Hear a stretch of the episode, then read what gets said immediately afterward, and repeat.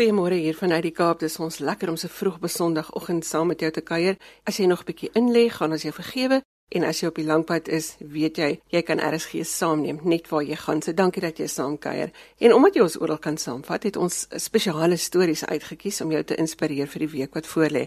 Ons gaste vanoggend is Dominielis Jansen van Rensburg, wat kom gesels oor die debat rondom selfde geslag verhoudings, en Cecile Marie Lou kom gesels oor die Marie familiebond. Petrus Roo vertel van hulle reise deur Afrika waar hulle Bybels uitdeel en die joernalis Dana Snyman gesels met ons oor rou. Al ons gesprekke in vandag se program is as 'n potgooi beskikbaar op die webwerf by rsg.co.za en die kontakdetail van ons gaste is ook op die webwerf of op Sondagjoernaal se Facebookblad gelaai. As jy vanoggend vir ons luister uit die hospitaal, miskien op die toepassing of op 'n radio of op DStv se kanaal 813 Dan sê ons vir jou goeiemôre. Ons hoop ons bring 'n bietjie lig in jou oggend en dat jy vinnig gesond sal word.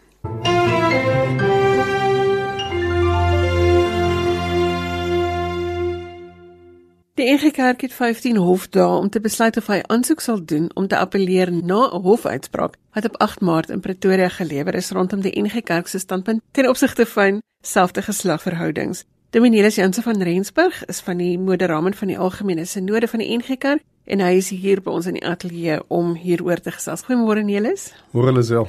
Dalk net vir konteks vir die luisteraars wat nie bewus is van die debat in die NG Kerk nie, gee ons die agtergrond.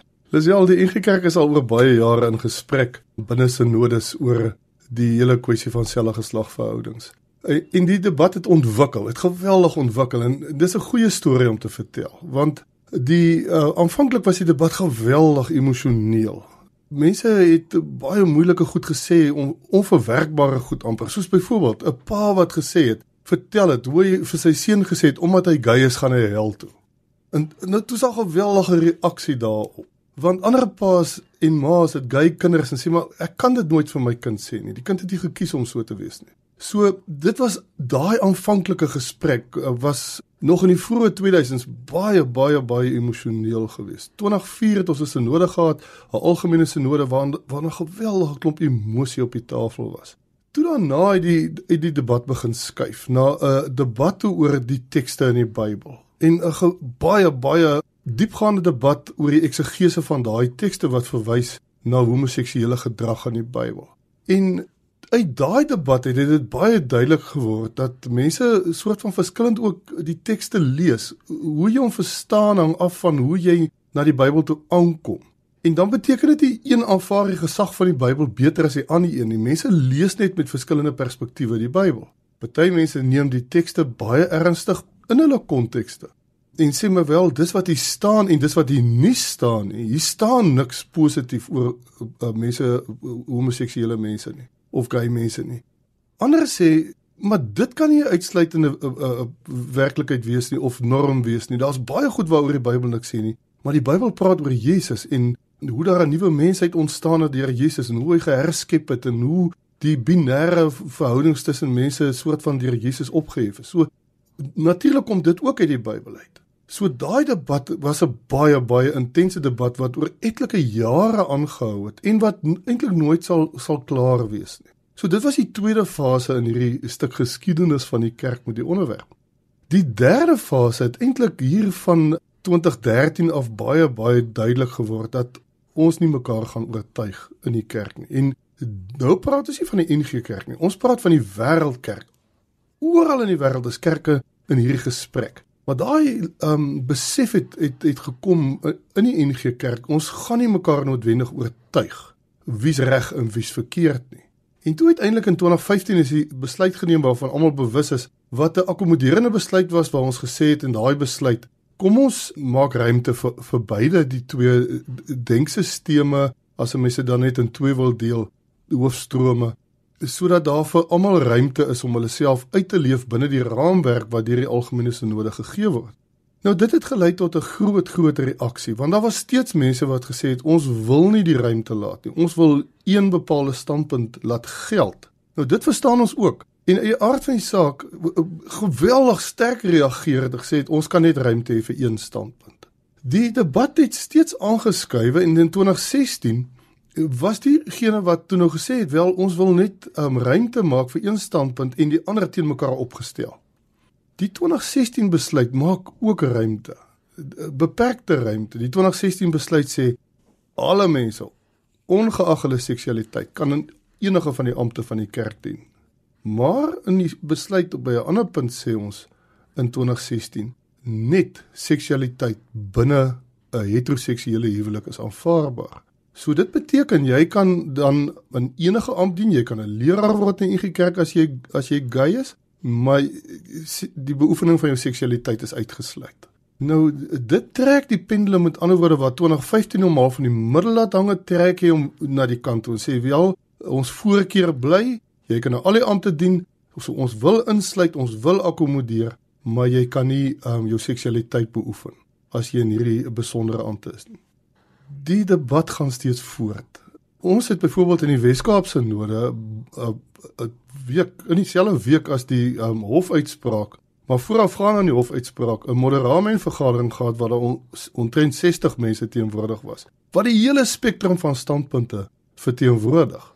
En in daai moderamen vergadering is daar eenparig besluit dat ons 'n standpunt inneem waar ons beide standpunte akkommodeer. So dit is baie duidelik, daar's 'n trek in daai rigting waar ons sê, wel hierdie debat gaan nie sommer net opgelos word nie. Inteendeel, hy gaan nooit opgelos word nie.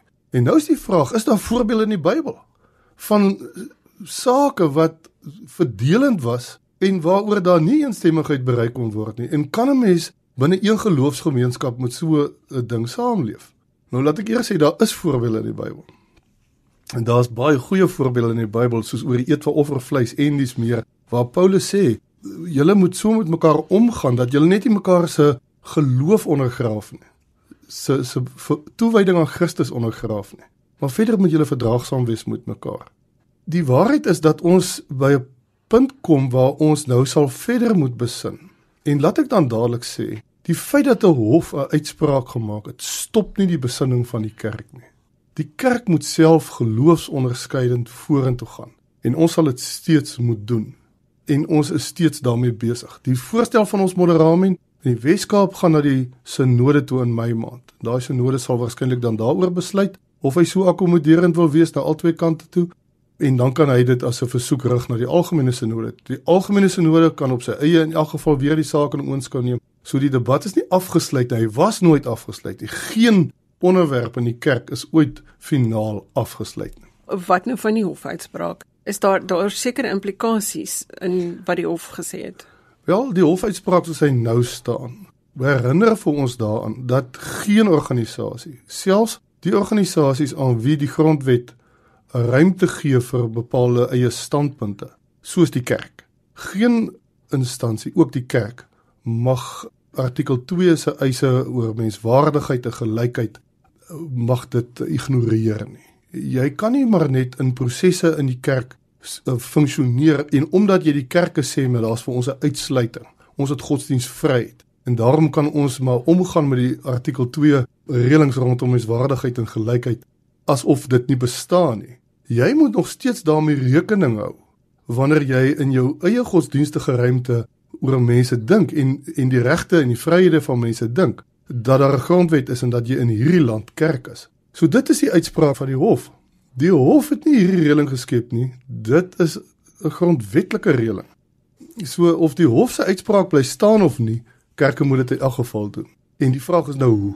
En uh, ons sal in ons vorentoe besinning baie sterk moet uh, gaan nadink oor hoe ons binne die Suid-Afrikaanse regstelsel, hierdie konstitusionele regstelsel, kan kerk wees en ons eie standpunte kan hê maar in 'n in 'n verhouding tot die grondwet waarin ons die basiese vereistes van die grondwet vir, vir menswaardigheid en en billikheid, geregtigheid, um, gelykheid en vryheid respekteer. Nee, dis baie dankie dat jy altyd op kort kennisgewing bereid is om al hierdie moeilike sake vir ons op die tafel te kom sit. Baie dankie vir die saamgesels en ons gesels graag weer saam met jou na die volgende algemene sinode vergadering. Dankie Lisel. Ek het gesels met Dominielis Jansen van Rensburg en ons sal weer die gesprek opvolg na die onderskeie sinode sittings. Goeiemôre as jy nou net jou radio ingesit het. Ek is Liselde Brein en ons gesels geloofsake. Onthou ook dat al die gaste se kontakdetail ook op RSG se webwerf is, saam met die potgooi wat na die program gelaai sal word. Dankie dat jy saam luister. Ons gesels vanoggend met Petrus Roo. Hy bly op Verliersdorp en ons gesels vanoggend oor hulle paaie wat hulle al geloop het. Goeiemôre Petrus. Goeiemôre Lisel. Petrus, vertel vir ons van julle Bybelverspreiding inisiatief. Uh Lisel, ek was baie gelukkig. Ek het op 'n baie vroeg stadium kon aftree en toe het ons begin reis deur die bierlande in Afrika. Ons het 'n Land Rover gekoop, ek en my vrou en ons het altyd op uh, reisgenote saam gehad en ons het al die lande besoek en meer as een keer en ons is vredelik voorspoedig geweest en dit baie geniet en ons het nooit enige ongelukke in betrokke geweest nie. Ons was nooit in in uh sou daar mense siek geword het nie of dat ons voertuig moeilikhede gekry het nie. En ons was werklik geseënd met al ons reise. En toe het ons eendag hier by die huis om by die vuur gesit en vleisie gebraai en toe sê ons praat ons oor dat ons so wonderlik bevoorreg en geseënd is om so deur Afrika te kan ry. En toe het ons gesê maar ons wil graag iets wil teruggee. Die mense is so vriendelik en ons het so baie geniet en gesien in die lande. En ons het nêrens enigsins dat ons vyandigheid of enigiets teëgekom het nie. En toe sê my vrou maar Anetjie, maar hoekom vat ons nie Bybel saam nie en gee vir die mense Bybels nie? Dan versprei ons ook sommer die liewe Vader wat ons so uh, seën, sprei ons sommer so sy woord en toe het ons gaan Bybel saamvat op ons reise en vir die mense uitgedeel. Het julle besluit op 'n spesifieke land of is dit net dat julle Bybels uitgee waar julle ook al gaan? Nee, ons het besluit as na al die lande wat ons gaan, dan gaan ons Bybel saamneem en ons het toe ook voorbeeld ons was twee keer aan Angola toe. Angola toe het ons Portugese Bybel saamgeneem. Namibië, ons reis baie na Namibië toe. Ons vat Afrikaans, Engelse Bybel saam so 50 50 en dit snaaks op die einde van die dag, dan werk dit net mooi uit. Ons deel ook 50 50 die Bybels uit die Engels en die Afrikaans uit. En dan na Malawi het ons Sechewa Bybels gevat, hulle taal, die uh, plaaslike taal wat 'n groot treffer was en uh Mosambik toe ook natuurlik uh, uh Portugese Bybels en Zambië en Zimbabwe hoofsaaklik Engelse Bybels. En dit is wat opmerklik is.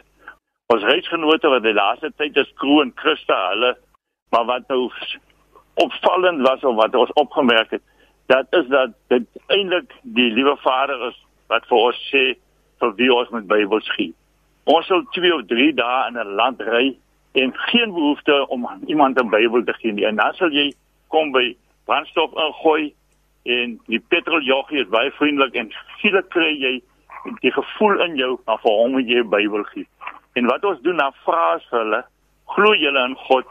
En dan as hulle ja antwoord na vra ons hulle of hulle 'n Bybel wil hê. En dan is hulle altyd baie opgewonde en baie en sê dadelik ja.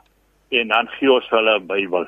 En dit het in al die lande dit een keer gebeur dat ons vir iemand gevra het of hy 'n Christen is of hy glo in God het gesê nee en hy stel glad nie belang in die Bybel nie. Dit het net eenmal gebeur.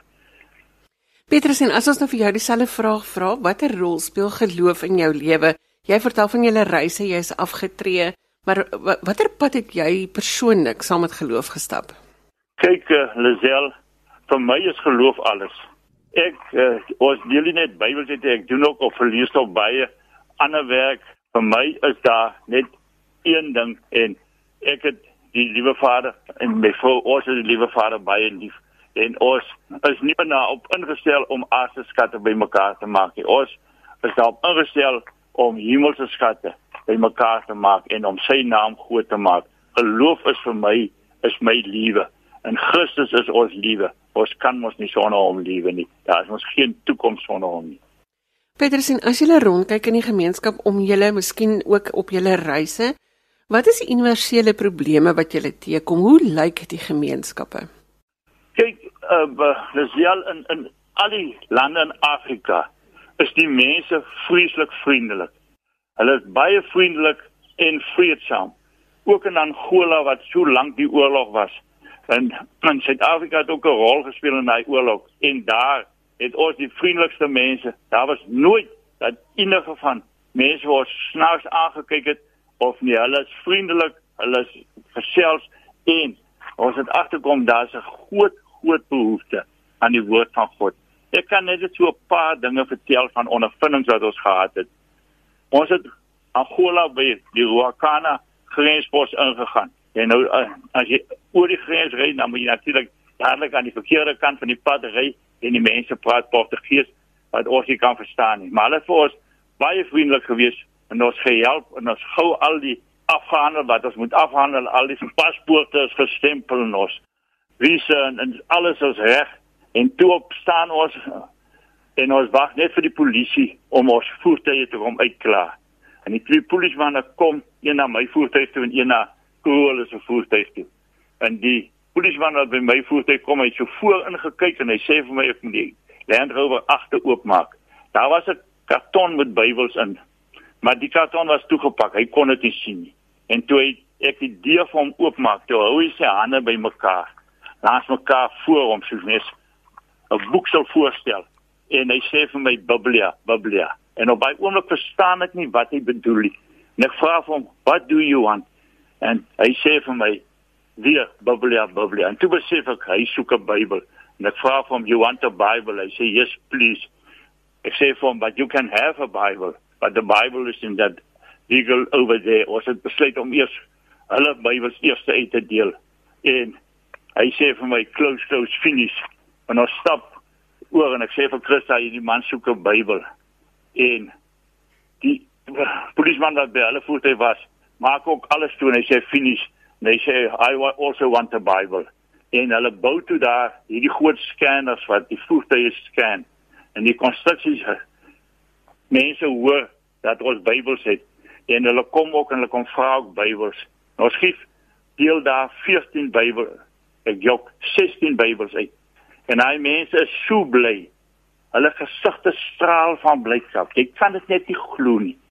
En toe ons nou uitry, hulle groet en uitry die posie staan hulle almal langs die pad die Bybels in hulle hand en die ander hand se duim in die lug op en hulle sê vir ons almal soos ons by hulle verbykom may god bless you drive safely en wat 'n wonderlike manier om in 'n land in te kan ry en ons kan maar net die liewe Vader dankie sê dat hy vir ons gebruik het om hierdie vreugde in hierdie mense se lewe te bring Petrus as jy om jou af te sluit 'n boodskap vir mense vir gelowiges om die liefde uit te leef om saam te staan en te kan 'n netwerk vir mekaar skep. Wat sal dit wees?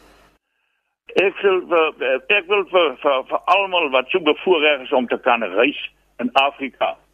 Ons het pas nou die dag by 'n 4 by 4 of 'n 'n buite lugskool gewees en gesien hoeveel wyntjies daar is en hoe die belangstelling om hierdie toer wyntjies.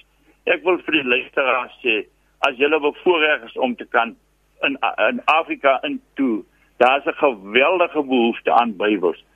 Vat 'n paar Bybels saam en gaan deel dit uit in die hele lewe sal oneindig verryk word. En probeer om die mense in die plaaslike taal Bybels te kry. Ek wil net dit sê. In Malawi het ons by 'n lodge uh, vir swart vrou 'n uh, Tchewa Bybel gegee, maar sy het nie geweet dit is 'n Tchewa Bybel nie. En toe sy die Bybel oopmaak en sy sien dis 'n Sera Bybel, het sy begin lag, huil, byt haarself en gegil en die trane het oor haar wange geloop en sy sê net sy Chewa, Chewa, sy Chewa, sy kon nie glo dat sy 'n Bybel in haar taal kry nie. Sy het vir Annetjie om die nek geval. Was vir haar iets ongelooflik en jy staan daar en jy het net 'n groot dankbaarheid in jou hart dat jy dit aan iemand kan teruggee. Petrus baie dankie. Die boodskap is maak dan seker dat jy sommer ook 'n Bybel saamvat in die taal van die land waarin jy gaan reis. Petrus baie dankie dat jy vanoggend 'n stuk van julle reiswêreld met ons gedeel het. Baie dankie. Dit was vir my groot vrees en 'n eer en ek is bly ek kan ook die Vader se naam so groot maak. En dit is waarvoor ons op aarde is. Baie dankie.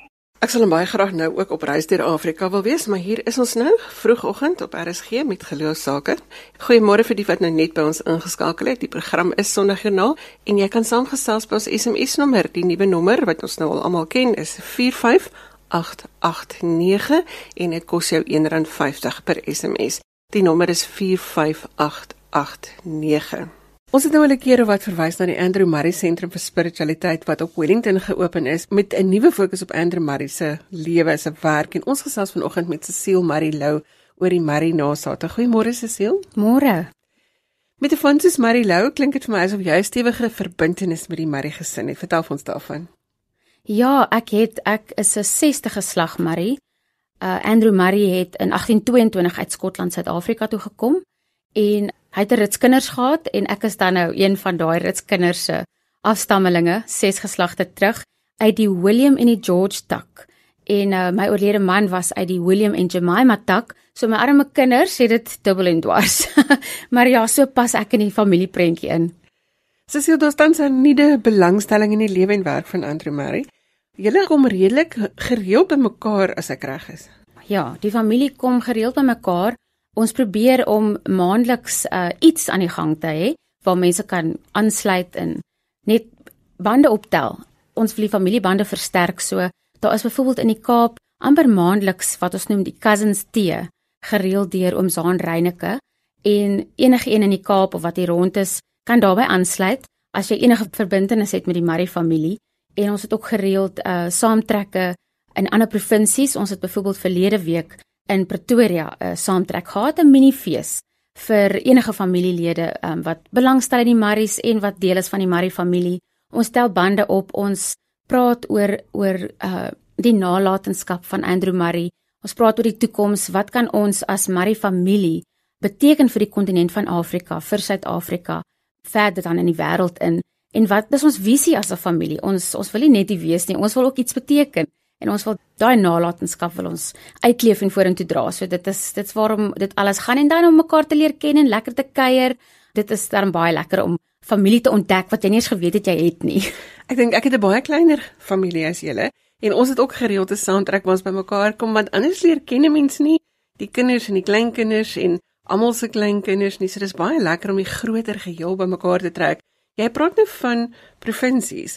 Maar is daar een groot saamtrek waar julle almal bymekaar kom, soos in hele klein? Daar's gereeld uh, so 'n groot saamtrek. As ek sê gereeld bedoel ek eintlik elke 10 jaar. Dit is eintlik gereeld as jy daaraan dink vir so 'n groot familie om almal bymekaar te kry elke 10 jaar. En terloops my my oorlede man se oupa en ouma het in 1922 op so 'n groot familie saamtrek ontmoet in Graafrenet en ek het toe ook so 'n saamtrek besoek in 2002 dit is waar ek toe my man ontmoet het. So danksy daai 10-jarige familiereunies is ek en my kinders dan nou ook hier vandag en dit is 'n fantastiese geleentheid waar ons meer as 300 van die familielede bymekaar kry in Graafrenet omdat uh, Andrew Murray vir soveel jaar daarso bedien het en gewerk het. Sy kinders het daar was daar gebore, het daar groot geword.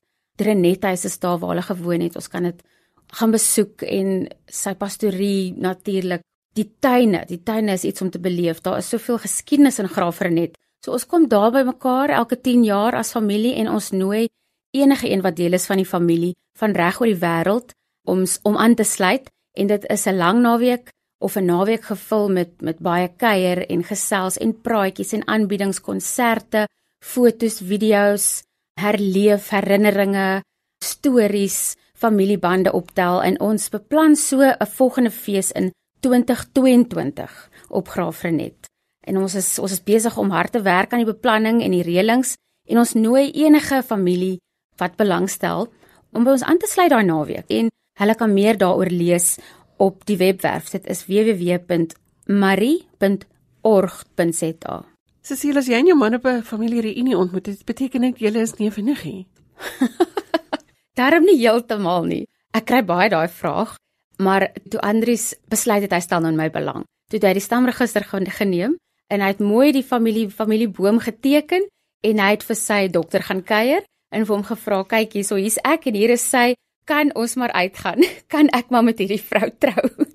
en dis sy dokter het vir hom die okay gegee. Hy het gesê, "Luister, jy is heeltemal ver genoeg verwyder in die familie dat jy maar kan trou." So So as jy nou deel is van die groter Murray familie en jy was nou nog nie by een van hierdie saamtrekke nie, dan is daar 'n webwerf waar jy kan inligting kry. Jy het gesê dit is murray.org.za. Dis reg, murray.org.za en ons het ook 'n Facebook groep, 'n Facebook bladsy Murray Connect. So as jy vir Murray Connect intik op Facebook, dan gaan jy ons daarso kry en daarso post ons ons allerlei inligting, veral dan nou die kleiner saamtrekke en die feeste en dinge wat gebeur, gaan deur na Facebook. So daar kan jy ook vir ons enige vrae stuur en ons ons sit al die goetertjies ook daarop. So. Nou omdat ons so baie van julle is, loop mens gereeld in Maritee en dan hoor ek hoe hulle gesels oor die familiebond. Wat is dit? Hoe werk dit? Die familiebond bestaan om kom ons sê net maar die nalatenskap van Andrew Murray verder te voer. Ons wil graag sien dat dat die waardes waarvoor hy geleef het en gestaan het in alle aspekte van van die samelewing tot stand kom en gestalte kry. Of jy nou jouself as 'n as 'n geestelike mens beskou of nie of 'n of 'n Christen of nie, daar is waardes en daar is geloofs-oortuigings waaroor ons nog steeds kan gesels en wat wat nog steeds belangrik is vir vandag se samelewing. So julle familiebond, daar's 'n geslagsregister en daar's 'n grondwet. Dis reg ja, die geslagsregister is 'n is 'n groot job. As jy deel is van die Marie familie of jy dink jy's dalk deel van die Marie familie, maak asseblief met ons kontak want ons wil graag die geslagsregister op datum hou, um sodat ons kan weet waar almal heen is in die lewe en hoe ons almal versprei het oor die wêreld 'n ding soos geskiedenis is nie noodwendig vir ons kinders meer so belangrik soos dit in die verlede was vir vir die ouer mense nie. En ons wil kan ons wil kan sê kyk dit dit is waar jy vandaan kom, dit is waar jou wortels lê. So as jou nie as jou naam nie in daai geslagsregister is nie, wil ons hom graag daarin hê. En as jy nie weet of hy daarin is nie, gaan kyk op die webblad en kontak ons. Is julle grondwet ook iets soos die land se grondwet wat sê so moet jy optree, hierdie is jou regte binne die familie. Hoe werk dit? Marie Bond grondwet. Die grondwet is nie 'n ding wat vir vir die Marie familie sê hoe om te leef en vir ons reëls gee nie. Dit gaan maar meer daaroor dat dat ons wat oor die jare het familielede donasies gemaak aan die familiebond om mee goeie werk te doen in die samelewing en mense te help wat wat dit nodig het finansiëel en by allerlei sake betrokke geraak. So die familiebond bestuur dit. Uh, ons is daar om seker te maak dat daai fondse reg bestuur word, dat ons rekeningskap kan gee van wat daarmee gebeur, dat ons saam besluite kan neem van uh, as daar 'n navraag vir hulp kom, dat ons saam daarbey daaroor op 'n verantwoordelike manier besluite kan neem. Die grondwet is daar om om vir ons te help om dinge binne die wet van die land uh te doen en om seker te maak dat elke ou sy sê kry en dat as ons van mekaar verskil dat daar 'n riglyn is van hoe ons dit goed moet doen.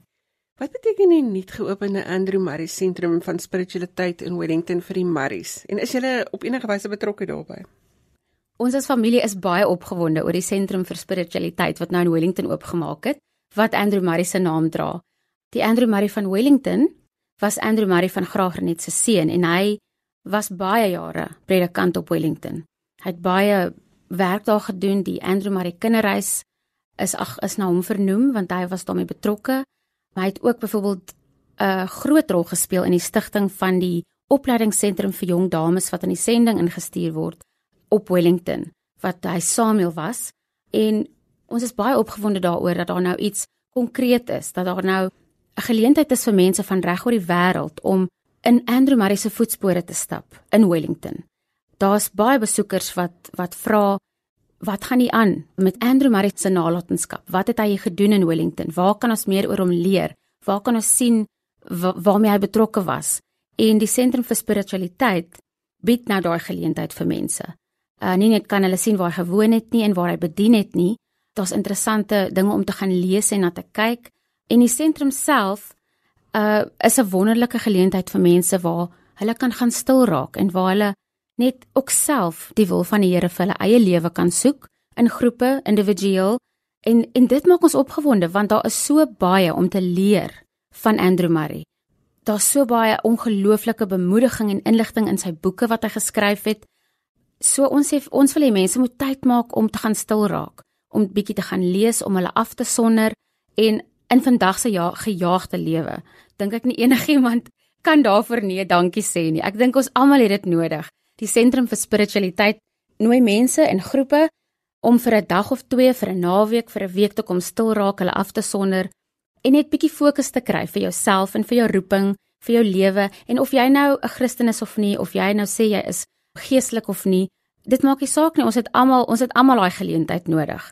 En wat ons wat ons opgewonde maak is dat dat, dat daar nou so 'n plek is waar mense kan stil raak en kan fokus op hulle toekoms en ook op die verlede en wat wat Andrew Murray vir ons as familie beteken het, maar meer as dit vir Suider-Afrika, vir Afrika en in die wêreld. Cecile, jy het nou genoem dat daar die familiebond is dat daar hierdie saamtrekke is, maar as daar nou 'n Marie is wat bietjie ver af is en wat half nie by die familie ingetrek is nie, wie kan hulle kontak? Waar kan hulle aanmeld? Ons is altyd baie opgewonde om nuwe lede van die familie te ontdek en enige iemand wat belangstel om 'n fees by te woon of by mekaar koms of jou naam in die stamregister wil kry of wil meer uitvind van die Andrew Murray Sentrum vir Spiritualiteit, kan vir Lizet kontak. So haar e-pos is lizet@bisit.co.za. L I Z E T T E @ b i s s e t .co.za. En sy gaan vir jou op die regte spoor sit. Jy kan ook Marie Connect op Facebook opsoek of die webwerf marie.org.za. Ek dink elke gesin wat luister of elke familie wat luister, moet dalk probeer om hulle groter familiebande ook so bymekaar te trek soos wat die Marie gesin dit doen. Baie dankie Cecile dat jy vanoggend saam met ons gekuier het om 'n bietjie van julle storie met ons te deel. Baie dankie. Andrew Marie het inderdaad diep spore gelaat en Cecile het self op Wellington gestudeer, het sy vir my voor die tyd vertel.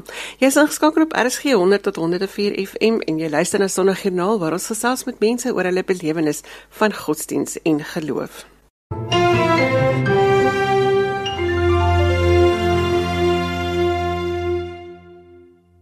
Ek het onlangs in die boek Die Brambos bly brand, 'n storie van Dana Snyman raak gelees wat handel oor die fragmente van 'n reis. Nou Dana gesels vanoggend met ons oor sy reis met geloof en hoe dit ook sy kreatiewe wêreld hoe dit daarop inspel. Goeiemôre Dana.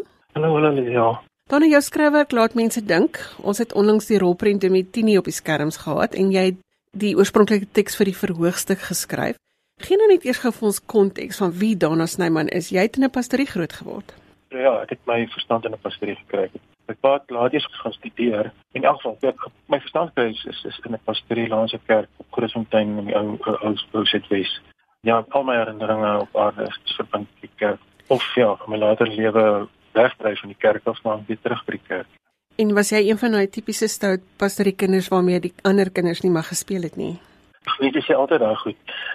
Ag ek weet nie ek was maar ek was miskien 'n keer 'n eenkant kind. Nie regtig is of ek glo nie, maar ek is maar altyd 'n eenkant kind. Uh, ek is enigste kind. Seker die wêreld altyd so sê van die kant af stop. Ek het ek het my pa se kerkraadsvergaderings. Ek het op Daniel Skuil nou later ook nou al so hier so staan 4 3 4 rond was dit, dit my pa het glo hulle Saterdag middag kerkraadsvergadering gehad in daai tyd. Seker maar die distrik so groot was.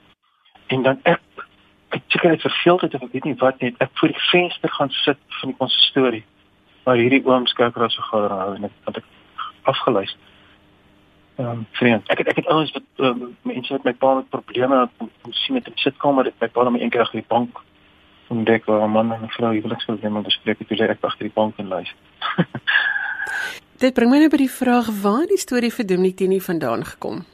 Jy sien dit is 'n regtig goeie vraag want jy het net gevra oor, oor geloof en kreatiwiteit in in die hele ding. En, en ek sukkel om te glo dat of iemand wat kreatief is, uh, hy of sy is 'n nie gelowige.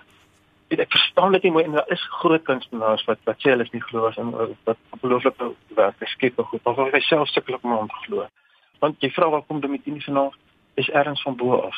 Dit is 'n misterieuse proses van van jy sê mense praat van die muse wat vir jou inspirasie gee en as dit net sommer uitkom die goeters en, en daar's baie harde werk aan verbonde maar daai inspirasie glo ek op regtig van bo af. En dis toe met Tini ek en Frank praat met van gedurig ons is groot vriende en, en ek het al voor vir met Tini van drie iemand stuk geskryf. En toe begin ons weer op 'n dag praat vir 'n nuwe stuk en toe sê ek van wat van ek weer kan toe sê hy maar dit klink nie sleg nie en begin groei en as ek nou terugdink oor hoe alles gebeur het het ek miskien met Tini vir my pa geskryf nou oor dit pa. Na my pa se dood het ek eintlik eers regtig besef wat het my pa moes deurgaan as op hierdie kant. Dis vreemd dit ook al klink. Ons is nooit baie vriende wen, maar maar seuns en paas bots maar soms. Maar ons is as nooit bang om te sien met mekaar gepraat het. Maar ek het my pa op 'n kol in 'n groot lewe. Ek kan hy eendag help vind te stop nie kom by sit. Dit is so alweer dit na sy aan die gang en ek is half kwaad vir hom. Ek is altyd want my pa nog steeds gemeente is goed gaan. Dan is ek my pa baie hulle beklei altyd. Dis is altyd 'n bly bekleierery in die huis oor oor kerkgoed en dis altyd dit in 'n ouderling wat en na my pa se dood besef ek eers my pa het die gemeente se konflik in die huis ingebring want al die mense het hulle konflik na hom toe gebring. dis nie net my pa bekleierig was nie, maar al hierdie hierdie probleme in gemeentes kom in pastorie in. En dit beïnvloed daai hele huishouding. Dit het baie mooi in die rolprent deurgekom al hierdie strewelinge waarmee die predikant moet werk. Jy het net so 'n bietjie daarin geraak daarna. Ek wil nou direk vir jou vra, positief of negatief, wat is die rol wat geloof in jou lewe speel? Jong, dit is so deel van my asemhaal al dat ek ek wil nie meer vra daaroor vra nie want dit is ek dink hoe ouer mense op word, weet mens doen wat jy doen en jy gaan aan maar, maar gedurig is daai ding in jou kop van lewe ek sinvol genoeg en om daai vrae te vra oor oor, oor die sinvolheid van goed is wat jy doen of ek nou half meer amper uitgelewer om daagliks te vroeg oor goeders en vrae te vra. Nee, vir die eerbare werk soos wat ek kragstasie laat werk of wat ook al nie. Um, ek ek sit nou voltyds en vroeg gesê ek, ek gedurig met daai vrae besig van lewe ek sinvol genoeg. Daai hele ding, dit is my dit is my geloof om gedurig daai vrae te vra. Ek, ek dink nie meer glo soos 'n kind nie. Ek dink baie mense weet ek, mense het groot geword met hierdie idee 'n kind en alles glo en en as jy enigstens vra vra as jy op die verkeerde pad en en al daai ek is nie meer daar nie. Maar met die tyd ontdek mense dat jy veilig om twyfel ook. Kom ons praat gou daaroor die geloof in twyfel. Ons praat oor rou, want sommige van ons moes bietjie meer in die publieke oog rou as ander. Nou jy's nou een ja. van daai toe Anet ja. oorlede is. Waar het jy vasgehou in daai tyd? Ek kan net gou iets sê oor die ding van twyfel en ek bly vir dit vaardig kry. Ek ek het 'n sekere wantroue en ek sê dit in aanhalingstekens van mense wat asseblief ek veroordeel niemand nie. Maar mense wat is as mens as mens nie genoeg vra vra partykeer en kan daai geloof wat jy het jou jou vreed na. Dit beteken dat oordeel oor ander mense.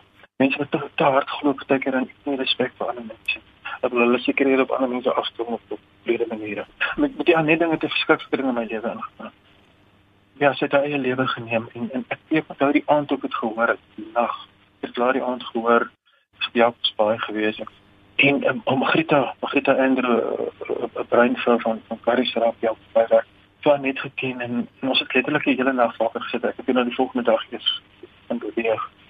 En en en Marita het jong nog letterlik op my bed gelê en Marita het daar net gesit op 'n stoel en ons het gehuil en ons het gepraat en ons het weet dit ons is vir voorby verbyster en En ek onthou ek die oggend 12 sonder te kom in my Bybel op my bedkassie gelê. Dit is gewoonlik nie dat ek hom elke dag eers lees nie, maar hy lê daar. En ek sê vir my Grieta, "Wie mag dit nou?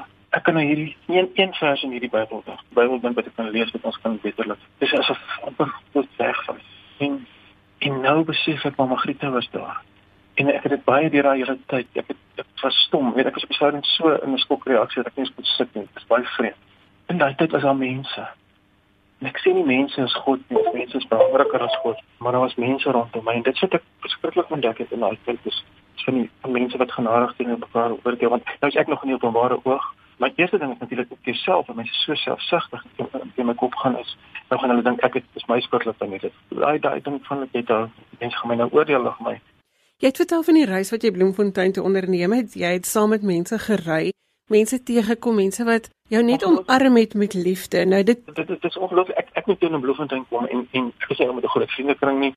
Langs hierdie kort ek het eintlik iemand om my te vat op Bloemfontein. Ek kan self nie ry nie en ek nog minder wil ek in vliegtuig sit om nou staan. Dis alweer Johannes Bak is my vriend en ek sit op Facebook iemand vir my so 'n geleentheid Bloemfontein. Iemand antwoord vinnig 'n vrou sê hulle het 'n motor so motordiens en goeders wat hulle motors kom haal. Ek kan saam met een van hulle drywers ry.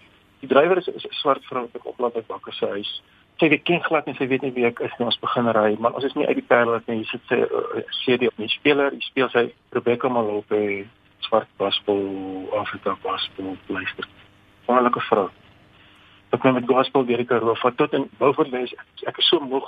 Ek sê vir laai my net op Beaufort. Ek weet daar nie geslaap ek wil net slaap. Glo net ek gaan die volgende oggend iemand my help.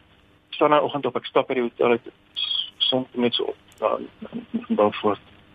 Ek weet net iemand gaan my uh, geleentheid. Daar's mense op die pad petrolpompe, ou erken my, maar hulle is eintlik op pad Rustenburg toe. Maar hulle ry 'n ander pad as wat langs storie kort op die aankryk by hulle geleentheid. Nadat ek by die dorp by die gestap het nou. vanoggend. Hier ek het net vergeet, ek net so van was alweer. En ons ry en ek het die mense gesels, en ek het hulle oor my storie en sit en huil en kind sit verskrik agter in die kar en hierdie oom wat hier sit en so. En nou by die kar motor hier plek in Kimberley. Dan wil ek hulle nommer hê om nou net na die tyd vir ordentlik dan sien kontak dan. En hy sê namens Frans van ek tik myself en ek Frans en ek sê Frans wat is wat is julle van? Hy sê Robert. Jy weet ek word koud en as jy kan sê is toevallig. Dit is dit om reis het toevallig. Is amper so van net gesê okay. Die mense veel gereël. Hierdie wonderlike mense wat so van ook Robert is. En dan kan jy nie anders om is om vra te vra oor oor oor oor die groot goed daar buite oor die hierdie van God. Ons sê geloof is teenwoordig. Jy het 'n berig in die koerant geskryf waar jy 'n paar woorde gebruik het wat mense nou nie heeltemal vir iemand sal toedig nie. Wat wil jy daaroor sê? Dis ek weet ek is so jammer daaroor en daar's geen geen geen verskoninge. Dit is nie die joernalis se skuld nie en hy kom hier in ons ons vorige gesprek en ek praat maar soos ek baie keer praat en daar's baie vloekwoorde in en, en, en woorde wat ou se woorde skat in in glip wat jy nie eens nie agterkom jy sê Here en ek het dit gebruik en en en um, ja ek is jammer daaroor dit kom met 'n groot spoed net terug as jy sien in die koerant ja geen verskoning daarvoor die volfoute Donna ek dink om jy af te sluit het sy of jy jou geloof uitleef elke dag op 'n manier wat almal dit kan sien en of jy dit doen op 'n manier waar jy net mense omarm daar is altyd iemand teenwoordig wat jou omvou met liefde Baie dankie dat jy jou storie met ons gedeel het vandag. Dankie baie Daniel, dankie dat jy my gevra het. En met die stem van Dana Snyman is dit tyd om te groet. Volgende Sondag is ons weer hier op dieselfde tyd met nuwe stories uit die wêreld van geloof en godsdiens. Jy kan gerus my 'n e-pos stuur as jy 'n storie met ons wil deel. My e-posadres is lazel@wwmedia.co.za. Ons gaste vanoggend was Dominelis Jans van Rensburg, Petrus Roo, Cecile Marie Lou en Dana Snyman. Ons program is as 'n potgooi beskikbaar. Jy sal dit op die webwerf kry. Gaan kyk onder die potgooi opsie en dan soek jy vir Sondag Joernaal met vandag se datum. Ek groet tot volgende week. En soos gewoonlik onthou, gaan maak 'n verskil in iemand se lewe en maak iemand se dag makliker. Tot dan, totsiens.